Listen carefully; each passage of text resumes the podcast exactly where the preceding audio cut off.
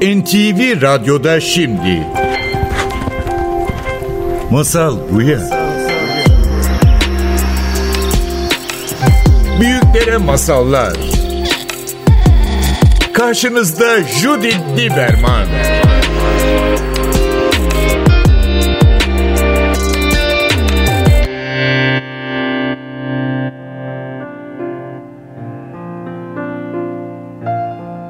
Masal Buya'ya hoş geldiniz. Bugün benim konum Onur Erol. Onur hoş geldin. Hoş bulduk.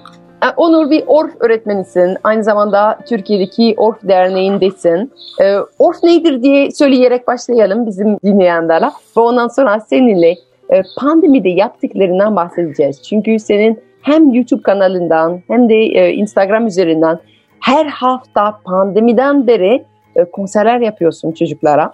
E, benim kızım dair Türkiye'de birçok çocukların çok sevdiği şarkıları yapıyorsun. Yani benim evimde senin şarkıların çalınmadığı hemen hemen hiç gün yok. Kızıma müzik açalım dediğimiz zaman hemen karınca diyor. Ee, hala onun en sevdiği şarkı diyebiliriz. Ve çok güzel bir haberimiz var aynı zamanda. Çünkü daha iki hafta önce üç şarkılı kitapların çıktı. İp kuyruklu tavşan, hayalperest koala ve kaybolan dinozor. O üç kitaplardan da bahsedeceğiz. Onların şarkıları da çok eğlenceli. Ama ilk önce bütün bunları böyle bir konteks içinde koymak için Orf nedir? Çünkü senin çıkma yeri or orası ve çok e, değerli bir felsefe taşıyan bir hareket. Evet, e, benim aslında yolculuğum orada başladı. Orf'ta, e, Orf Schulwerk deniyor aslında buna. E, Karl Orff besteci, büyük besteci. Carmina Burana'dan bilirsiniz. Onun e, ortaya koyduğu bir yaklaşım. Bu yaklaşım aslında yani kısaca aslında anlatmak bazen zor oluyor ama her insanın müzik yapabilmesini, her insanın dans edebilmesini, her insanın dille yani dil dediğimiz aslında e, yabancı dil gibi değil konuşmayla kendini ifade etmesini kolaylaştıran bir şemsiye diyebiliriz aslında. O şemsiyeyi kolay müzik yapabilecek müzik aletleri, e, beden seslerini kullanabileceğimiz bazı ortamlar, tekerlemeler, çocukların sokakta oynadığı zaten kendiliğinden yaptığı oyunlar ve değişik ülkeleri, kültürlerin dansları ve değişik sanat disiplinlerini hepsine kullanabildiğin aslında bir özgürlük alanı diyebiliriz. Temelinde oyun var. Oyunla ve oyunun içine yerleştirilmiş aynı zamanda müzik, dil ve hareket üç, üçgeni diyebiliriz. Müzik, dil ve hareket. Bu da bizim aslında çocuklarda zaten doğal olarak gördüğümüz ama zaman içinde kaybettiğimiz yetişkinler olarak davranışları diyelim tekrar kazandırmak bizlere. Çocuklarda zaten var. Çocuklara bir şey yapmaya gerek yok. Onların hani yaratıcılıklarını falan hani bizim arttırmak gibi bir şeyimiz olamaz. Öyle bir kelime de bazen duyuyorum. Çocuklarda yaratıcılığı arttırmak diye bir şey söyleniyor. Hani öyle bir şey zaten düşünebiliyor musun? %98 yaratıcı olan biri bir çocuğa %5 yaratıcı olan bir insan arttırmaya çalışabilir mi? Böyle bir şey yok. Zaten onlarda var. Biz o var olanı ortaya çıkarmak ve onları a desteklemek bu konuda. Bastırmamak, dokun yani dokunmamak ama şöyle bir şey olabilir. O onu birbirleri arasında alışveriş haline getirmek biraz birbirleriyle. Çünkü orf grup çalışması. Çocuklar da grup çalışmasında birbirlerinden besleniyorlar. İşin tabii bir de form kısmı var. Çocuklar bunu yaparken e, form oluşturmayı çok değil de hani biraz daha o ana göre yapıyorlar. Biz onu biraz daha forma sokuyoruz. Değişik formlar içine sokuyoruz. Farklı tekerlemeler üretiyoruz. Tekerlemelerle birlikte gelen belki hareketler e, de paylaşıyoruz mu? Onu mu diyorsun form yaratırken? Form yaratırken yani bir aslında bir e, matematik diyebiliriz aslında. Bir tekerlemenin diyelim mesela içinde yer alan bir matematik var, bir soru cevap var diyelim aslında. Bir soru var, bir cevap var. Ee, bir tekrar var. Ee, hani mesela masallarda e, senin de çok sık dile getirdiğin var ya masal anlatıyorsun arada bir tane hemen bir tekerleme söylüyorsun masaya devam ediyorsun tekrar bir tekerleme bu bir formdur. Ee, işte bu form e, bilincini biraz da onlara oturtmak aslında. Çünkü bu onları kendi daha güvende hissettiriyor zaman içinde, bu form içinde kalmak. Bu bir matematik gibi de diyebiliriz. Öyle yaratıcılığı buharlaşan bir şey yaratıcılık aslında. Yani buharlaşıyor ya biraz gidiyor ve atmosfere gidiyor. Biz biraz onu aslında çocuklarda o yarattıklarını biriktirme, o yarattıklarını bir form içinde güzel paketlerle de aynı zamanda saklayabilmelerine olanak tanıyan bir şey veriyoruz onlara. Yani diyelim yaratıcılık belki akan bir su gibi ise o zaman bu deriye bir yatak yaratmak istiyoruz ki hayatın içinde kalsın, dolaşsın. E, derinin yatağını belki derinleştiriyoruz ve orada e, daha kalıcı bir şekilde e, kılıyoruz. Çok güzel. Kesinlikle çok güzel anlattın. Ve yani bu çok önemli gerçekten. Müzik bir örüntü zaten. Yani ritimle birlikte, tekrarlarla birlikte. Masal da bir örüntü yani söz diyorsun.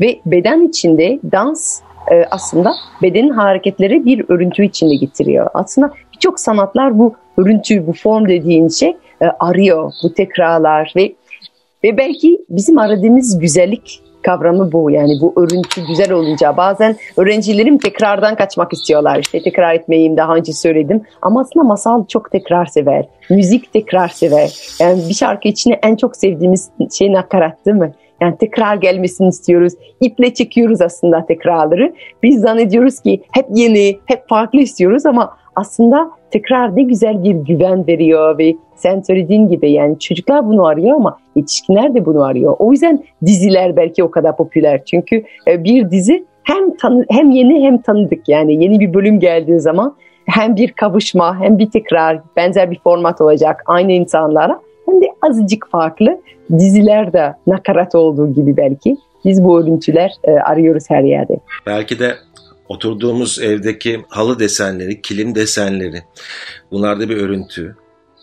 E, değil mi? Bunların üzerinde geziyoruz, örüntülerin üzerinde. Örüntüler hayatımızın her yerinde. Odalar, odalarımızda desenlerde görebiliriz, doğada görebiliriz bazı yani doğanın içinde de örüntüler var veya yaşamın döngüsü yaşamın döngüsü bir örüntü zaten biliyorsun hani bu örüntüler bize aslında e, düşmemizi Aha, engelleyen cambazın düşmesini engelleyen bir ağ gibi aslında bizi güvende hissettiriyor.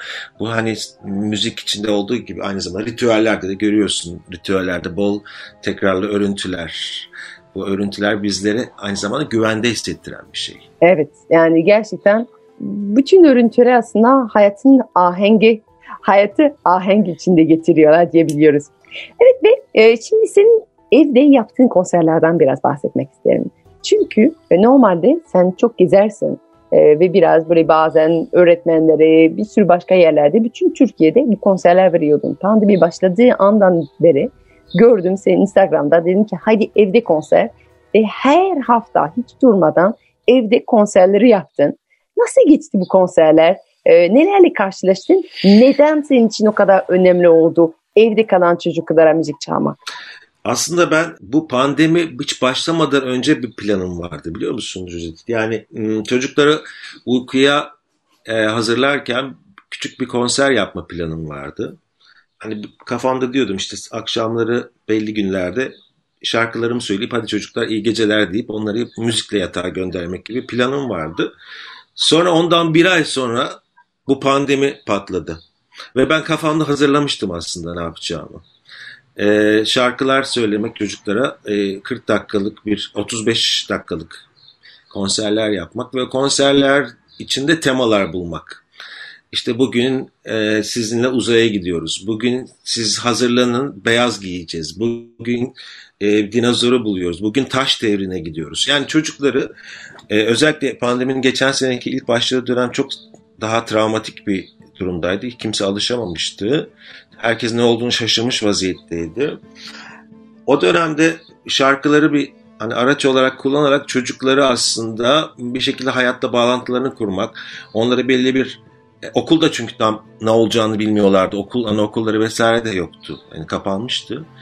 Onları e, şarkılarla hem şarkı öğretmek, bir taraftan öğretmek, bir taraftan şarkıların e, ön hazırlıklarını yapmak, bir partiye hazırlar gibi onları. İşte gündüzden başlıyorlar, çiçeklerle işte bilmem neler hazırlıyorlar, dinozorlar boyuyorlar. Yani o günü doldurmalarını, aynı akşama hazırlık yapmalarını sağlamaya çalıştım. Ben de aynı şekilde yapıyordum işte o akşam ne yapılacaksa gidiyorum işte bir şey kesiyorum, biçiyorum, tabaktan bir şey yapıyorum. E, kendime kostümler yapıyorum işte çocuklarla beraber buluşuyoruz ve hakikaten çok yüksek katılımlı konserler başladı. Ee, Ve bunu yapmaktaki amaç hem ailelerin de aynı zamanda bir takım zorlukları var. Çocuklar evde kaldı ne yapacaklar aileler bilemiyorlar. Ve böylece toplanmaya başladılar. Sonra bunu bir düzene demin konuştuğumuz gibi bir rutine, bir e, örüntüye dönüştürmeye başladım. Önce daha sık da haftada 2-3 gün yapıyordum o ilk travmatik dönemde. Daha sonra da haftada bir gün pazar akşamlarını aynı saatte aynı şekilde başlayarak hatta aynı şarkıyla başlayarak çocukları o rutinde, o güvende hissetmeye, e, hissettirmeye e, çalıştım. Orada çocuklarla yaşadıklarını biraz bize anlatabilir misin? Valla çok çok çocukla e, irtibat kurdum. Benim de düşündüğümden çok daha fazla insan izliyormuş. Yani öyle ki hani hayatlarımın parçası olmuş bu konserler ve benim hani Onur abi pazar günü yarın işte pazar gününü öğrendi çocuklar. Yani gün ne demek işte bugün cuma cumartesi pazar günü mesela Onur abinin konseri var gibi gün sayıyorlarmış filan. Çok böyle e, mesajları aldım. Evet bugün konser günü işte hemen şöyle giyinmem lazım. işte şöyle bir şey yapmam lazım akşama. Bakalım bugün ne söyleyecek, ne getirmemi isteyecek, mutfaktan kaşık mı getirmemi isteyecek. Ondan sonra yastık mı hazırlamam gerekiyor, resim mi yapmam gerekiyor. Yani bir okul gibi aslında bir taraftan da. Çocuklar böyle bağlandılar aslında. E, bana ve ben de onlara bir pazar akşamı abisi olarak hayatlarında ailelerinin bir parçası oldum bu süreçte. E, ne bileyim tabii bu bir takım sorumluluklar da getiriyor. Yani çok mesaj geliyor çünkü. Hani özellikle sosyal medyadan çok mesaj geliyor. Anneler bazen hani çocuklarının ne bileyim bazı ne e, şeylerini bana söylettiriyorlar. İşte dişlerini fırçalar mısın? İşte senin söylemen gerekiyor Onur abisi falan diye. Ya da işte okulda ağlamadığını aferin dememi istiyorlar. Mesela okulda ağlamamış gidip. E, ya da doğum gününde işte onu kutlamamı. Hmm, ya da yemekleri af bugün işte şunu yedim bugün lahana yediğini ne güzel lahana yemişsin aferin sana diye mesajlar böyle. Hani bir de onun dışındaki kısmı böyle devam etti sürekli. Çocuklar böyle bir şekilde güvendikleri bir e, şey oldu yani. Sür, musun bu mesajları bu biçimde? Ya e, elimden geldiğince ama çok fazla yetişemiyorum çünkü hakikaten çok fazla geliyor. Bir de çocuklar da telefon ellerinde onlar da ıı, Instagram öyle mesajlarından kendileri çok seviyorum, çok seviyorum diye mesajlar sürekli atıyorlar. İşte o emojiler var ya onlara basıyorlar sürekli evet. böyle 10 sıra emoji böyle tamam mı? Böyle ben de onlara onların dilinde emojilere böyle tak tak tak tak değişik böyle şey anlamsız emojiler yollayıp böyle bir kontaklar kuruyorum. Bu evet. anlamda hani pandemide aslında böyle bir şey gelişti aramızda. Bir tane böyle bir hikaye var. Bir tane e, anne çocuğunu Gandhi'ye getiriyor hikayeye göre. Fakir bir aile. Gandhi'nin yanında gidiyorlar bir şey diyorlar. Gandhi çocuğuma söyler misin? Şeker yemesin. Çok şeker yiyor. Çok sağlıksız bir şey. Bir de bizim bu kadar da paramız yok. Sürekli şeker istiyor. Ama sana çok e, hayran ve o yüzden e, Gandhi söylese şeker yememesi gerektiğini biz inanıyoruz ki e, yemez. Gandhi diyor ki tamam Üç gün sonra geri gelir misiniz? Ee, üç gün sonra söyleyeceğim. Kadın da çok şaşırıyor yani diyor ki neden Gandhi üç gün istedi yani söylesin biz de evimize dönerdik yani kolay değildi zaten Gandhi ile e, Gandhi'nin karşısına gelmek. Üç günde bekleyeceğiz. Neyse bekliyor işte e, misafir kaldığı şehirde üç gün boyunca e, geçiriyorlar. Sonra üç gün sonra geri geliyor ve şey düşünüyor Gandhi bir şey hazırlıyor yani üç gün boyunca istediğine göre. Üç gün sonra Gandhi'nin karşısına çıkıyor. Gandhi çocuğa bakıyor bir şey diyor oğlum şeker yeme. Ve anne diyor ki bu muydu yani? Affedersiniz de üç gün önce niye bunu söyleyemediniz ki? Ee, üç gün önce söyleseydiniz aynı olurdu. Biz de o kadar vakit e, kaybetmeden evimize dönerdik. Yani diyor ki ama olmaz değil. Çünkü üç gün önce ben şeker yiyordum. Ee, şimdi şeker yerken ona şeker yemediseydim olmazdı. Ama üç gündür gerçekten hiç şeker yemiyorum ve kendimi daha iyi hissediyorum. O yüzden şu an söylediğime inanarak bir şekilde e, bunu söyleyebiliyorum. Ve o yüzden onu sana söyleyeceğim. Sen bugün lahana yedin mi? Çünkü sebzenin yeme, yemen gerekiyor o zaman. ben lahana turşusunu çok seviyorum. Anne bana lahana turşusu gönder, gönderiyor. Ve lahana sarması var bizim. Çok sevdiğim bir yemektir. Zaten lahanayı çok severim. Ama bak bamya konusunda o kadar gerçekten e, şey yapamıyorum. Söyleyemiyorum bamyayı. Bamyayı ben çok fazla yemiyorum çünkü. O zaman bir anne falan böyle bamya yesin diye söylüyorsa sen dersin ki vallahi yardım edin. İşe yaramaz. Kendim yemiyorum. İşe yaramaz. Peki. Peki senin e, yeni çıkan kitaplardan bahsetmek isterim. İp kuyruklu tavşan, hayalperest koala ve kaybolan dinozor. Bu üç kitaplar çok ilginç çünkü bazen önce hikaye gelir sonra şarkı. Sen tam tersi tabii ki bu kitaplar yazdığın şarkıların üstünde inşa ettin. Ee, ve üçünün şarkısı var. Belki de bugün bize bir şarkı söylersin umarım. Evet benim aslında e, bir tane de daha önce Çikolata diye bir hikaye kitabı çıkmıştı. Başka bir yayın evinden. O da yine şarkının üzerine yazılmış bir şeydi e, hikayede. O da Chico, La ve Ta diye üç karakterin arasında geçen bir hikayeydi. Ya aslında şarkı yaz, ben kendimi hani bir kitap yazarı olarak nitelendirmiyorum. Yani yazar olarak değil de daha çok şarkı yazarı olarak nitelendiriyorum. Ama şarkıların da içinde hikayeleri olmasını hep tercih ediyorum. Yani hikayelerden yola çıkıp şarkı. Bana hani soruyorlar. Hani önce müziğin melodisini mi yazıyorsun?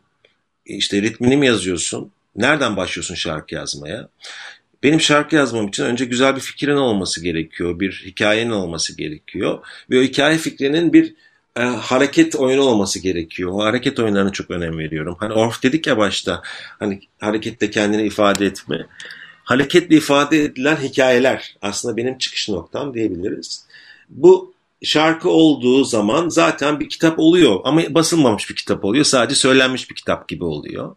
Sonra hadi dedik ki bunlar aynı zamanda da bir görsel tarafı olsun. Çocuklar hem de onları okusunlar, resimlerine baksınlar. Ve bu şekilde e, bu kitaplar Hayalperest Koala, işte İp Kuyruklu Tavşan ve Kaybolan Dinozor kitapları çıktı ve çok hoşuma gitti. Ben de şarkıları aynı zamanda da elimde tutuyorum şarkıları. O da hoşuma gidiyor şarkıları elimde tutmak. Zaten çocukların bildiği şarkılardı bunların çoğu. Evet evet evet. Kaybolan Dinozor bizim evimizde çok e, popüler. İp kuyruklu tavşanın şarkısını bilmiyorum. Acaba onu bizim için çalar mısın bugün? Tabii ki. Hatta ben hatırlıyorsan aylar önce bir şöyle söyleyeyim. Bunun hikayesi nereden çıktı tabii İp kuyruklu tavşanın.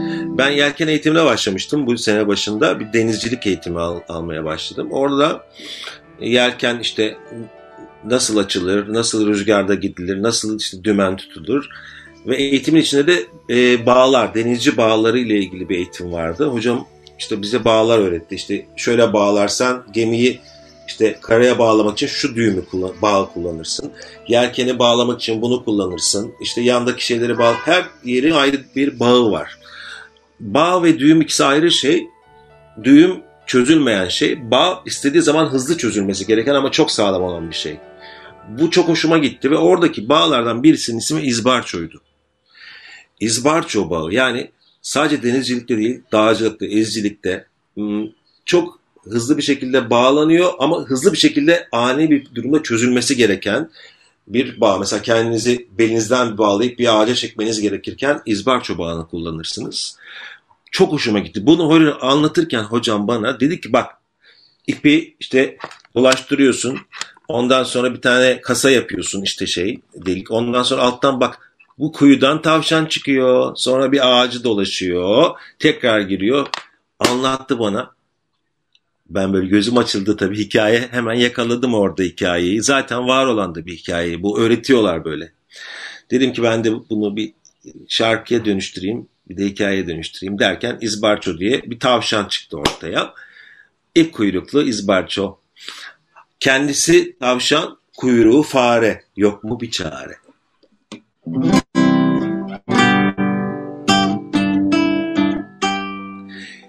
İp kuyruklu isparço Zıp zıp tavşan isparço. Kuyudan çıktı isparço Ağacı dolandı izbarço Kuyuya girdi izbarço Kuyruğu çekti izbarço Ah düğüm oldu izbarço Çöz onu haydi isparço Kendisi tavşan kuyruğu fare Yok mu bir çare Kendisi tavşan kuyruğu fare Yok mu bir çare İp kuyruklu isparço Zıp zıp tavşan isparço. Kuyudan çıktı isparço Ağacı dolandı isparço. Kuyuya girdi isparço Kuyruğu çekti isparço.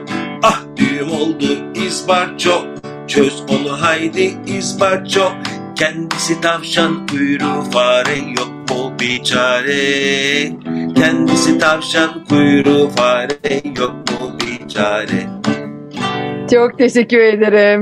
Onur Erol ve yeni kitapları İp Kuyruklu Tavşan, Hayalperest Koala, Kaybolan Dinozor. Üç kitap, üç şarkı. Bu kitap ve bu şarkı dinledikten sonra e, aslında bir düğüm, bir denizci, e, denizcileri kullandığı bir bağ da öğrenmiş e, oluyoruz. E, o da belki faydalı olur bir gün. Kitapta da var biliyor musun? Çiziminde aynı zamanda e, çizildi. Onu da öğrenecek çocuklar. Hatta diyorum ki ayakkabı bağlamaktan sonra ikinci öğreneceğiniz şey bu olsun dedim. Ay, çok, çok ben güzel. kullanıyorum. Evet çok faydalı. çok teşekkür ederim Onur bu keyifli sohbet için e, ve bu keyifli şarkılar için. O zaman bir tane canlı evde konserde görüşmek üzere. Görüşürüz. Judith Lieberman'la Masal Buya'nın bugünkü bölümü sona erdi.